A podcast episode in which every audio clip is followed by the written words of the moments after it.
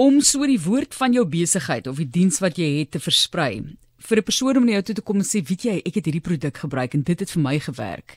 Dit is seker een van die mees effektiewe maniere om 'n produk te bemark en ons praat juist daaroor vandag met Pieter Groenewald, hy is die hoofuitvoerende beampte van Infinity Media en ons praat van sogenaamde word of mouth in 'n e-handel wêreld. Ek gaan nou 'n bietjie kyk wat jy dink die goeie Afrikaans daarvoor is, maar Pieter, as ek dink aan word of mouth in deesdae se wêreld, dan is dit maar iemand wat sê op Instagram of hoe dit ook al sê, ek gebruik die produk, dit werk vir my. Is is dit hoe julle dit ook sien?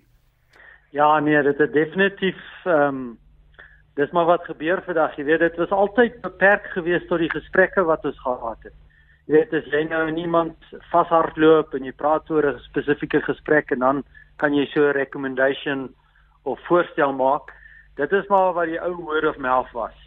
Maar vandag is die impak daarvan baie groter, jy weet, want sê net maar enige een van ons is op sosiale netwerke ge ehm um, konnekteer met ander mense. Jy weet maak nie saak of dit Facebook is, Instagram of 'n WhatsApp groepie nie. Ek sien hierdie WhatsApp groepe raak ook ongelooflik sterk met hierdie persoonlike rekomendasies.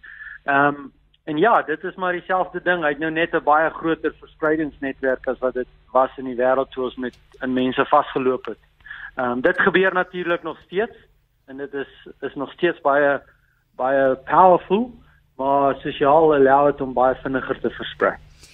Mooi manier om te stel word of mouth woord tot oor bemarking sê Tilly. Woord tot oor bemarking oh, ek hou daarvan.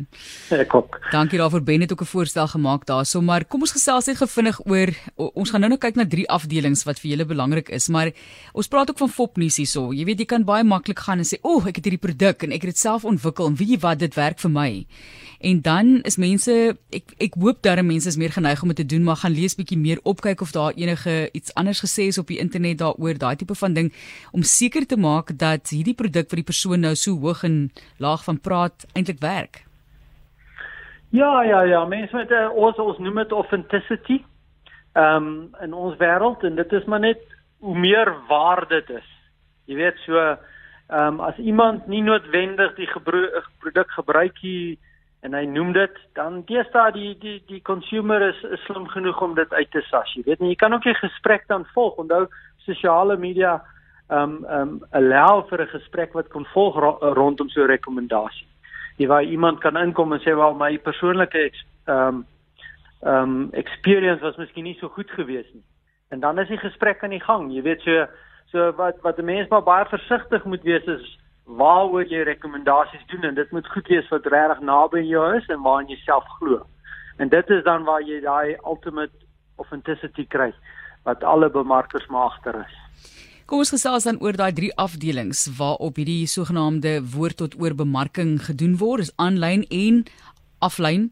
Dis nie 'n woord nie, maar van lyn af. Jy praat van the age of influence en dit is ek dink waaroor ons nou gesels het in die begin, die sogenaamde influencers, die mense wat 'n uh, invloed het op ander se besluite op hulle aankoopbesluite.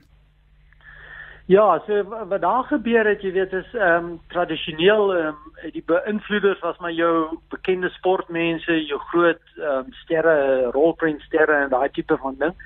Maar oor die jare het dit baie verander en vandag is gewone mense uh kom tree baie sterk na vore as beïnvloeders. Jy weet waar persone wat hulle self nie sien as 'n beïnvloeder nie, baie baie sterk beïnvloeders raak vir brands. En daar's platforms wat hulle nou help om om so gekonnekte word aan aan daai brands wat hulle klaar mee 'n verhouding het, wat hulle hulle eie geld inspandeer en waarvoor hulle baie lief is en voel, jy weet, natuurlik kan ek rondom hierdie brand vir mense wat aan my gekonnekte is, um, 'n aanbeveling maak dan is dit natuurlik die mag van die mense, né? So gee vir ons 'n idee wat jy daarmee bedoel. Ag, dit is maar daai daai die mag van die mense kom baie saam met die sosiale media. Jy weet dat ehm um, as ek 'n produk rekomendasie nou doen en daar's 500 mense aan my gekonnekt op sosiale media, jy weet dan dit dit dit, dit daar's daar dadelik word hulle blootgestel of 'n groot gedeelte van hulle word blootgestel aan my rekomendasie.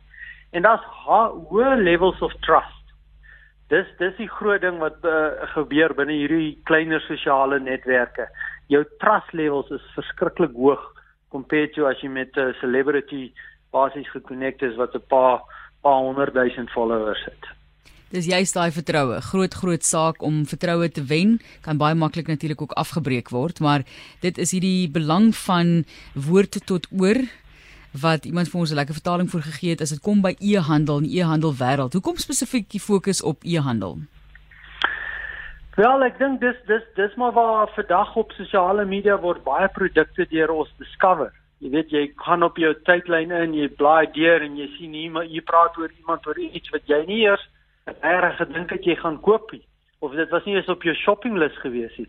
Maar nou sien jy die produk en daai persoon sit miskien 'n LinkedIn wat jy kan gevolge meer lees oor die prys en jy weet die rekomendasies rondom dit en sodoende eindig jy op jy iets gekoop wat jy nie eers reg beplan het nie.